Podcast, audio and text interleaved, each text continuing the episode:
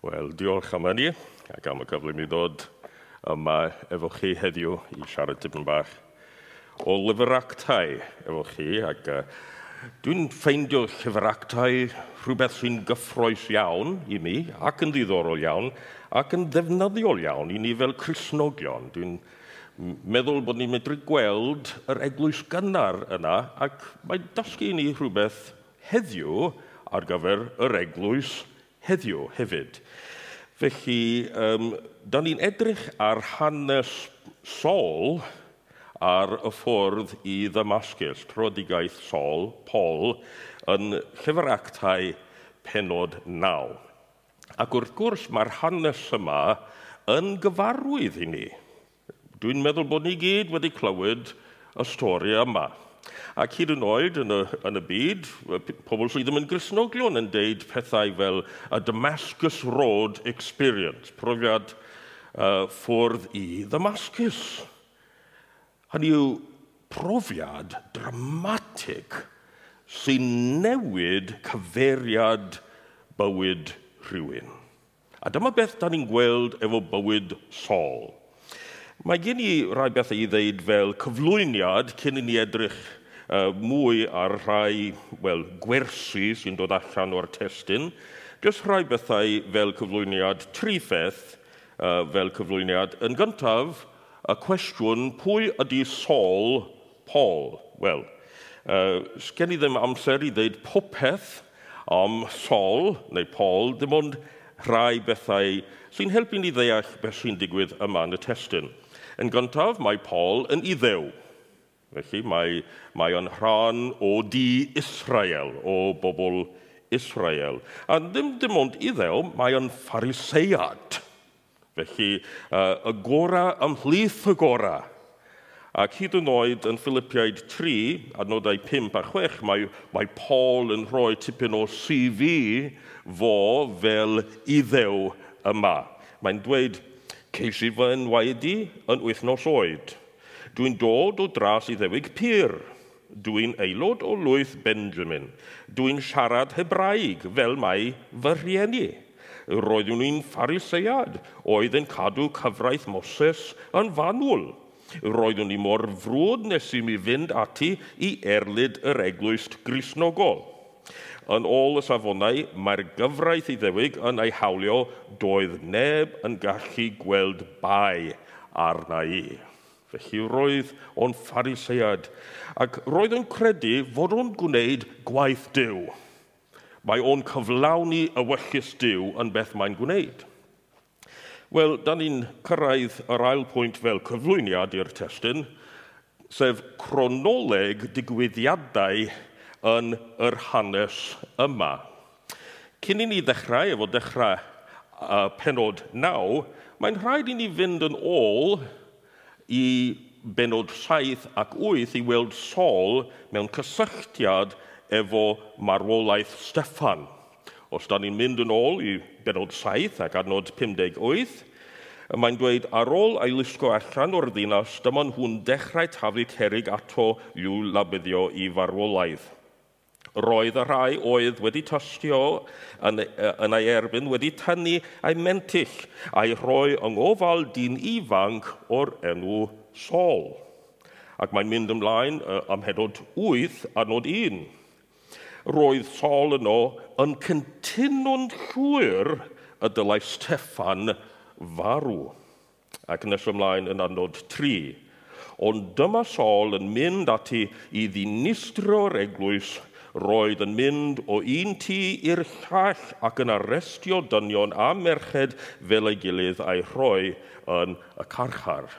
Felly dyma tipyn o hanes Saul cyn i ni gyrraedd penod naw. Ond gawn ni jyst fynd trwy'r pethau cronoleg yn y, yn y stori yma, yn yr hanes yma, jyst un hatgoffa ein hunain beth sy'n digwydd yma yn yr hanes. Yn gyntaf, da ni'n gweld y bod Saul yn gweld dysgeidiaeth ddilanwyr Iesu fel rhywbeth hereticaidd a pheryglus. Mae'n credu bod pobl y ffwrdd yn beryglus i, uh, i, i ddewiaeth. Uh, yn adnod 1, yn um, penod 9, mae'n dweud, yn y cyfamser roedd Saul yn dal i fynd o gwmpas yn bygwth lladd dilynwyr yr arglwydd.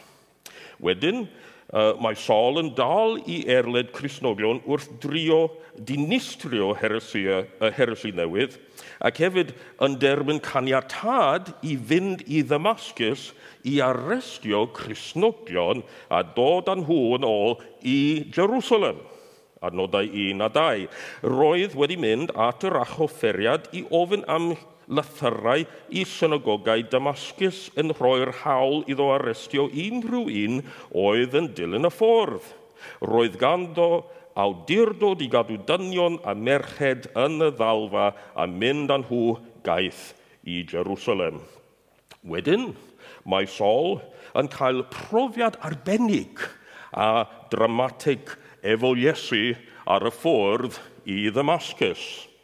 Uh, adnodau 3 i 7. Roedd yn agos at Damascus pan fflachiodd golau disglair o'r nefoedd o'i gwmpas, syrthiodd ar lawr a chlywed llais yn dweud wrtho, Sol, Sol, pam wyt ti'n fy erlyd i? Pwy wyt ti, syr, gofynodd Sol. Iesu ydw i atebodd, yr un rwy ti'n ei erlyd. Nawr cod ar dy draed a dosi mewn i'r ddinas. Ceid y wybod yno beth mae'n rhaid i ti ei wneud. Roedd y rhai oedd yn teithio gyda e, e, e yn sefyll yn fyd.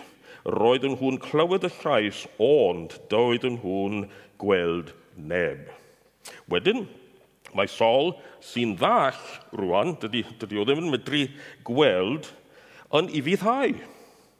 Uh, a mae'n mynd i Ddamascus, efo cymorth y bobl a oedd efo fo, wrth gwrs, ac aros yno dros y tri diwrnod wedyn. Adnodau 8 a 9. Cododd Sawl ar ei, draed, ar ei draed, ond pan agorodd ei lygaid, doedd, doedd e ddim yn gallu gweld. Felly dyma nhw'n gafael yn ei law ac yn ei arwain i mewn i dre Damascus o arhosodd yno am dri diwrnod, roedd yn ddall ac yn gwrthod bwyta nac yfed dim. Wedyn, mae Ananias yn, yn dod i mewn i'n hanes ni, a mae Ananias yn derbyn gorchamin gan ddiw. Adnodau 10 i 16. Yn byw yn Damascus, roedd disgybl o'r enw Ananias, oedd wedi cael gweledigaeth o'r arglwydd yn galw arno. Ananias, Ie, arglwydd atebodd. A dyma'r arglwydd yn dweud wrtho, dos i di Judas yn stryd union a gofyn am ddyn o darsus o'r enw Sol. Mae ynnw'n gweddio. Dwi wedi dangos iddo y bydd dyn o'r enw Ananias yn mynd ato a gosod ei ddwylo arno iddo gael ei olwg yn ôl. Ond arglwydd, meddai Ananias, dwi wedi clywed llawer o hanesion am y dyn yma – Mae wedi gwneud pethau ofnadwy i dy bobl di yn Jerusalem. Mae'r prif offeriad wedi rhoi awdurdod iddo ddod yma i arestio pawb sy'n credu yn o ti. Ond, medde'r arglwydd wrth Ananias, dos Dyma'r dyn dwi wedi ei ddewis i ddweud amdana i wrth y bobl o genhedloedd eraill a'i brenhinoedd yn ogystal ag wrth bobl Israel byddai'n dangos iddo y bydd ei hun yn dioddef llawer am fy i. Wedyn mae Ananias yn cyfarfod o Sol, ac mae Sol yn cael ei achau, mae'n cael ei bydyddio, a mae'n derbyn yr ysbryd glân. Adnodau 17-19. Felly dyma Ananias yn mynd Aeth i mewn i'r tŷ, gosod ei ddwylo ar Saul a dweud wrtho, Saul, frawd. Mae'r arglwydd Iesu naeth ymddangos i ti ar dy ffordd yma wedi fy anfon i at ati er mwyn i ti gael dy olwg yn ôl a chei dy lenwi ar ysbryd glân hefyd. Yr eiliad honno dyma rhywbeth tebyg i gen yn syrthiodd i ar lygaid Saul – ac roedd yn gallu gweld eto. Cododd ar ei draed a chafodd ei fedyddio. Wedyn cymerodd rhywbeth i'w fwyta a chael ei gryfder yn ôl.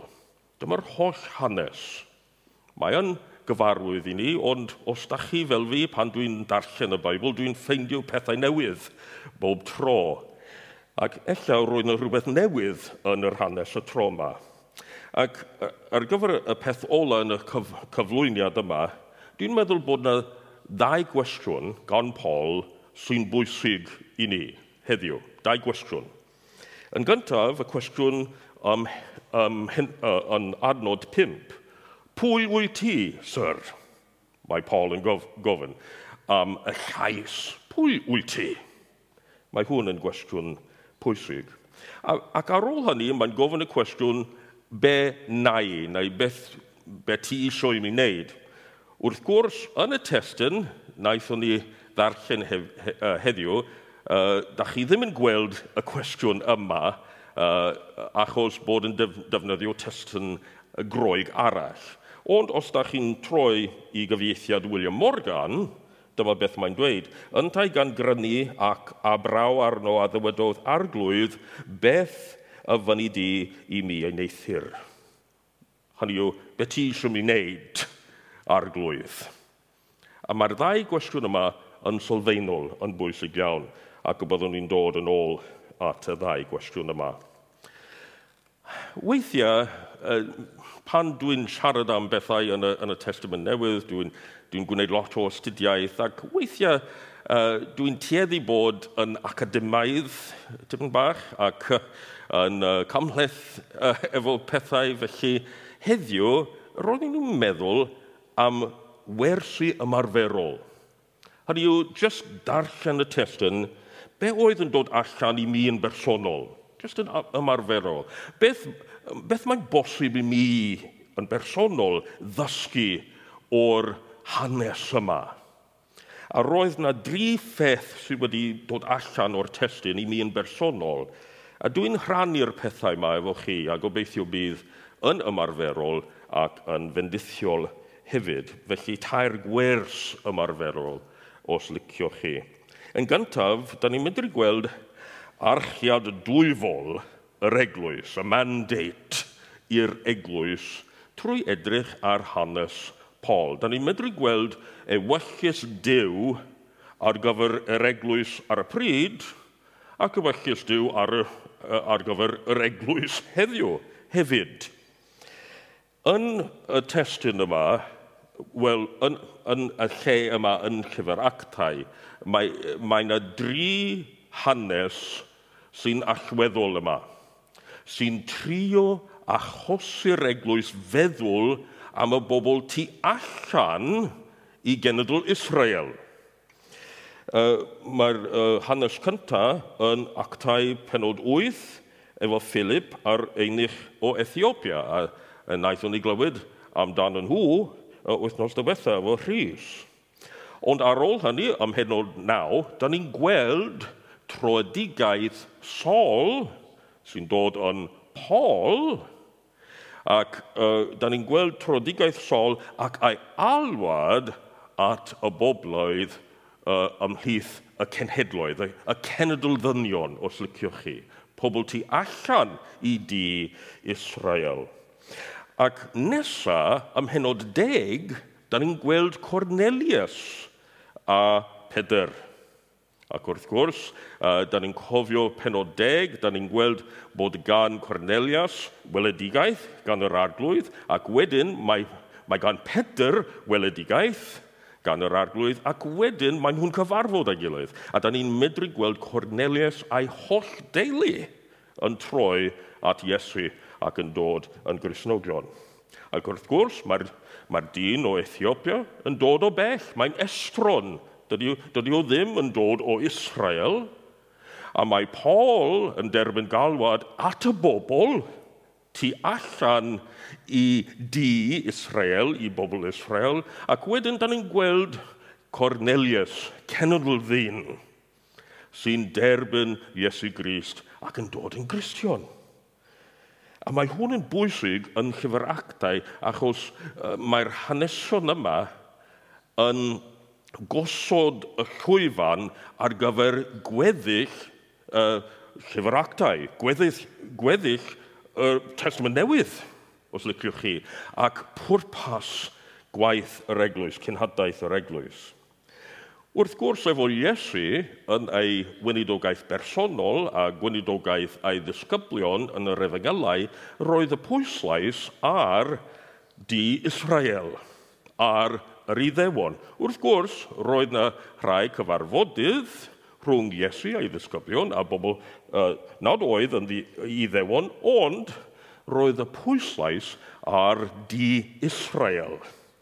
Ond, trwy'r amser, mae Iesu yn dweud wrth ei ddisgyblion y bydd y neges yma, y newyddion da yma ar gyfer pawb. Ddim ddim ond ar gyfer yr iddewon, mae'n dechrau efo'r iddewon, ond bydd ar gael ar gyfer pawb yn y byd. A da ni'n gweld efo geiriau ola Iesu wrth ei ddisgyblion bod hwn yn wir. Wrth gwrs, y Cwmisiwn Mawr, da ni'n gyfarwydd iawn efo hwn yn Matthew penod 18 ac adnodau 19 ac 20, felly ewch i wneud pobl o bob gwlad yn ddisgyblion i mi, a'i bedyddion nhw fel arwydd eu bod yn nhw wedi dod i berthynas a'r tad, a'r mab, a'r ysbryd glân.' a dysgwch yn nhw i wneud popeth dwi wedi ddweud wrthoch chi. Gallwch chi fod yn siŵr y byddai gyda chi bob amser nes bydd diwedd y byd wedi dod. A da ni'n gweld rhywbeth yn debyg efo lyc penod 24 ac anodau 46 a 40, i 48. Mae'r ysgrifau yn dweud fod y Messiah yn mynd i ddioddef a marw, ac yna dod yn ôl yn fyw ddeuddydd wedyn.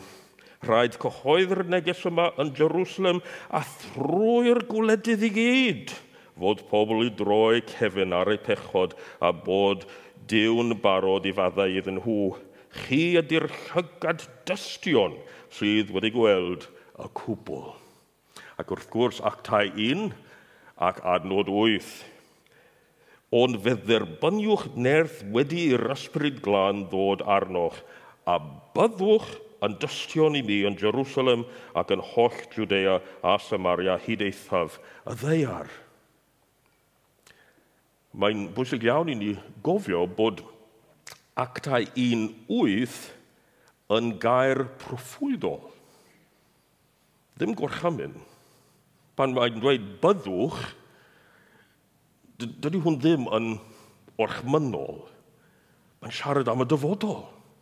Mae Iesu yn siarad fel proffwyd yn actau 1 ac adnod 8. A mae'n canwys pawb. Felly mae'r hanesion yma am henod 8, 9 a 10 yn gosod y llwyfan ar gyfer popeth arall y bydd yn digwydd yn llyfr actau ac yn y testament newydd a gweinidogaeth yr eglwys. Wel, dyma'r ail beth sydd sy wedi dod allan i mi wrth i mi just feddwl ac yn gweddio dros y testyn. Ro'n i'n meddwl am y cwestiwn yma. Pa fath o berson ydy sy'n troi at Iesu Grist? Pa fath o berson ydy sy'n dod yn gristion, sy'n dilyn Iesu?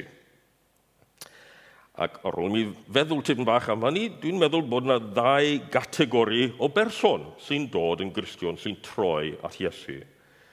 Yn gyntaf, y categori cyntaf, pobl sy'n ceisio neu chwilio am rhywbeth ac yn darganfod Iesu.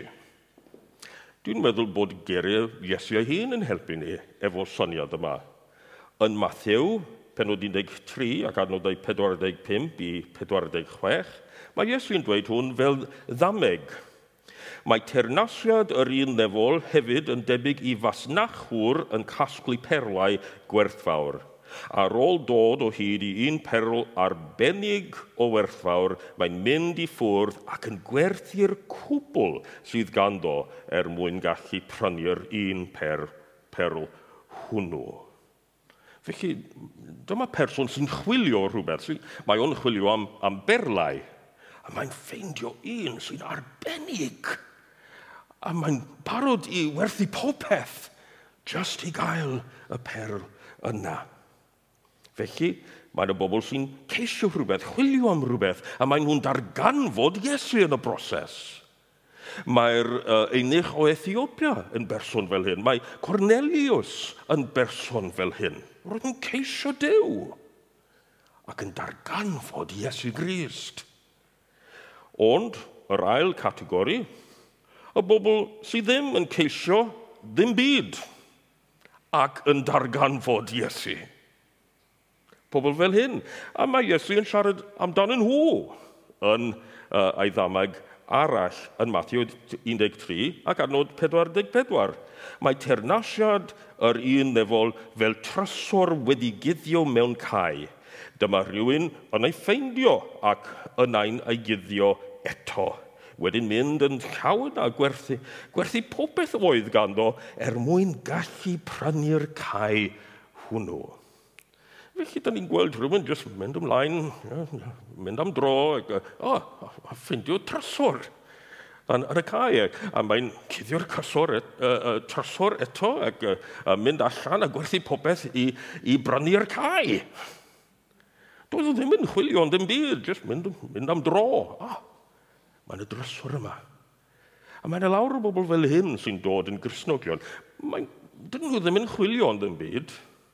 Mae'n bosib iddyn nhw fod yn erbyn Crisnogaeth, yn erbyn Crist fel Saul. Ond mae nhw'n darganfod Iesu ac yn cael ei hachub.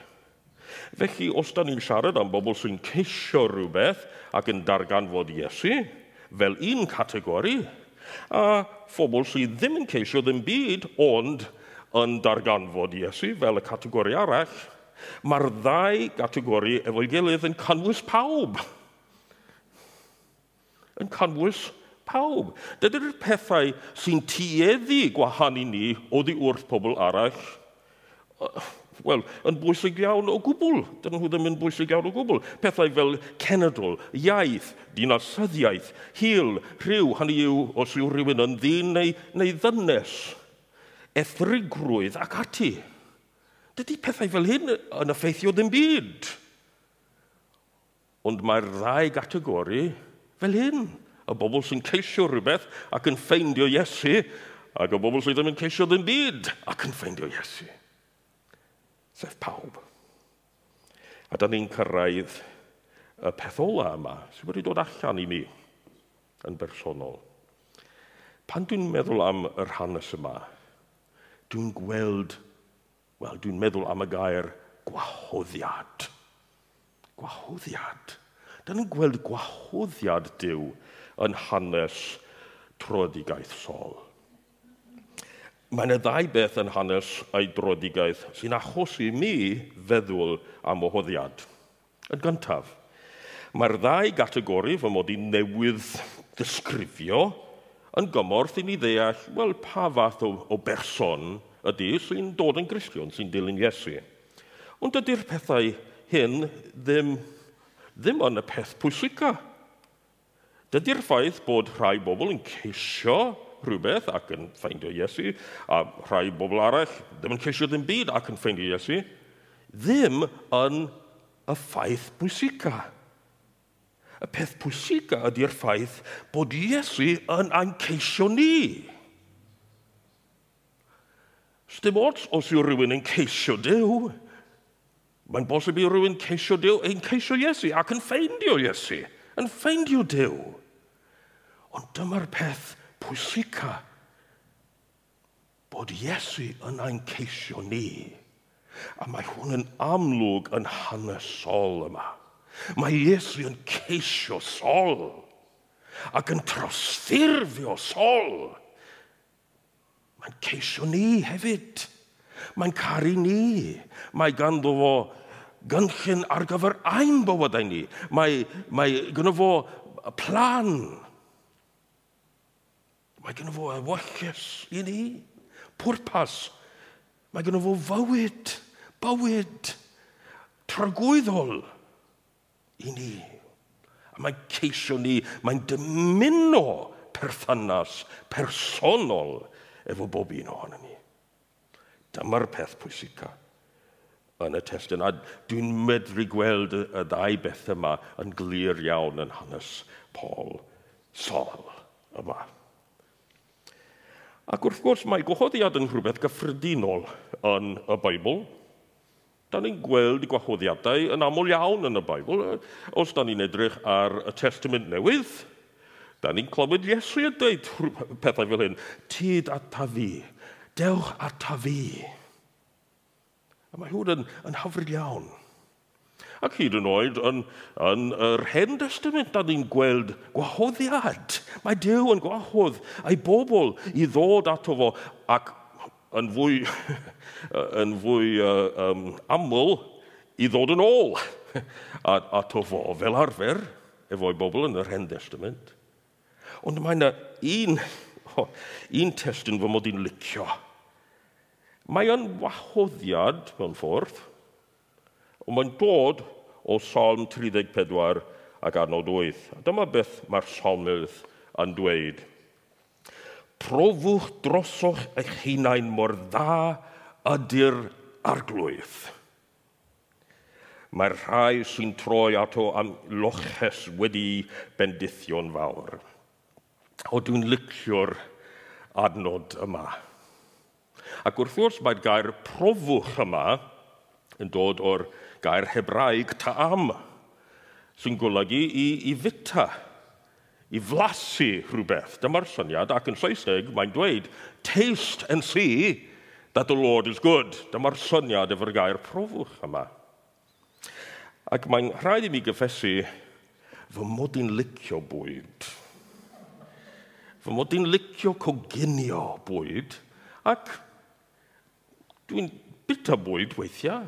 A dwi'n hapus iawn bod gan carsawl y lens panoramic pan dwi'n pregethu.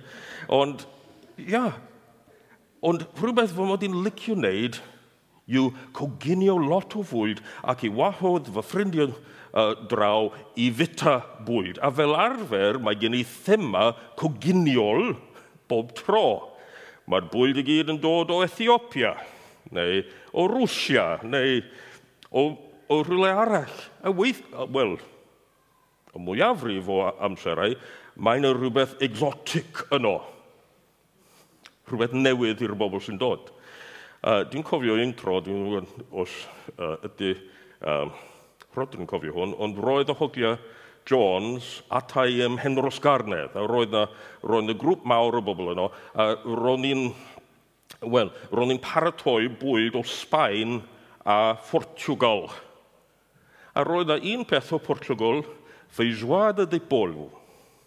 Uh, mae feijoada yn stew cawl, efo lot o ffa, a cig, a selsig, ond de polvo yn golygu efo octopus a dwi'n cofio ar ôl i ni fyta, ro'n i'n siarad am beth oedd yn, yn bob peth, achos, mod i ddim yn dweud cyn iddyn nhw brofi. Dwi eisiau iddyn nhw brofi rhywbeth.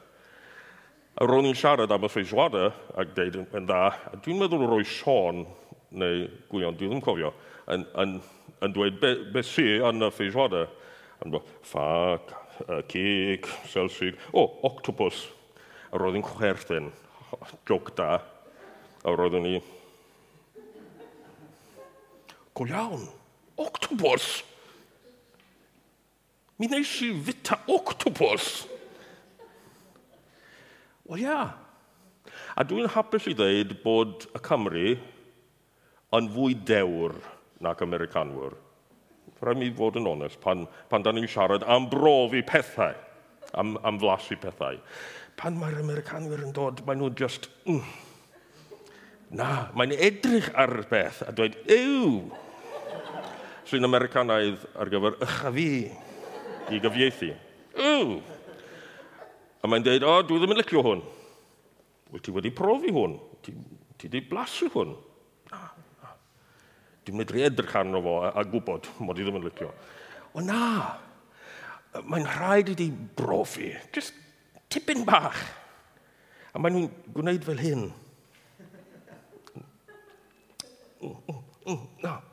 A dwi'n dweud, wel, mae, mae angen llond llwy o leiaf i brofi, i flasu. A mae'n dod allan efo rhywbeth fel hyn. A hanner llond llwy. Fel hyn. Na! Na! Mm.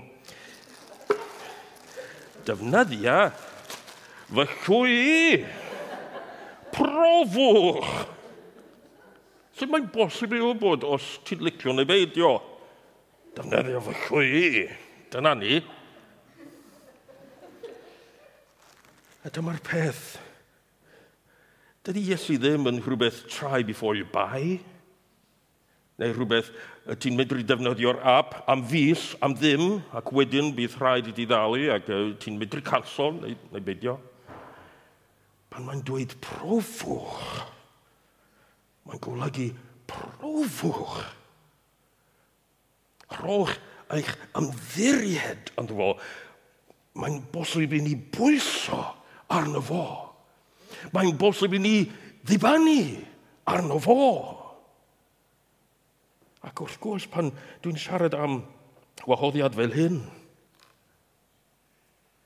mae'n rhaid i ni ofyn y cwestiwn, i beth da ni'n cael ein gwahoddiad. Dwi'n dod o draddodiad y bydyddwyr. A dwi'n dwi, n, dwi n falch am hynny, ond dwi'n gweithio efo lot o enwadau yn, yng Nghymru ac yn bellach, e, efo ffrindiau e, Pentecostal, efo ffrindiau Presbyteraidd, e, ac, ac yn ymlaen. Ond dwi'n dod o draddodiad y bydyddwyr. Ond dwi'n ddim yn estyn gwahoddiad y bore yma i chi ymuno ar bydyddwyr. Dwi'n aelod yn y capel yma. A dwi'n hoffi bod aelod yma. Dwi wedi cael bendith i fod yn aelod yma. A dwi wedi cael rhyw fath o gysylltiad efo Carsalem ers i mi ddod yma yn 1996. Mis Gorffennaf fel enni. A mae yna lawr o bethau sy'n digwydd yma sy'n dda iawn. Ond dwi ddim yn estyn gwahoddiad i chi ymuno â Charsalem. Da ni'n siarad am ohoddiad at berson, sef yr arglwydd Iesu Grist. Yr arglwydd Iesu Grist. A da ni'n cloi efo'r ddau gwestiwn yma, dau cwestiwn sol. I bob un ohono ni, pan da ni'n edrych ar Iesu, sy'n estyn o'i ddwylo tuag atwm ni, sut da ni'n ateb, ymateb y cwestiwn? Pwy wyt ti? Pwy wyt ti? Just athro da? person o hanes neu'r arglwydd, gwaredwr a chybwr, goleini'r byd ac yn ymlaen. Ac wedyn, ar ôl i ni ateb y cwestiwn yma, da ni'n gofyn, be ti eisiau ni wneud? Benna i rwan? Dwi'n gadael chi heddiw efo'r cwestiynau yma. Er mwyn ei enw. Amen. Amen.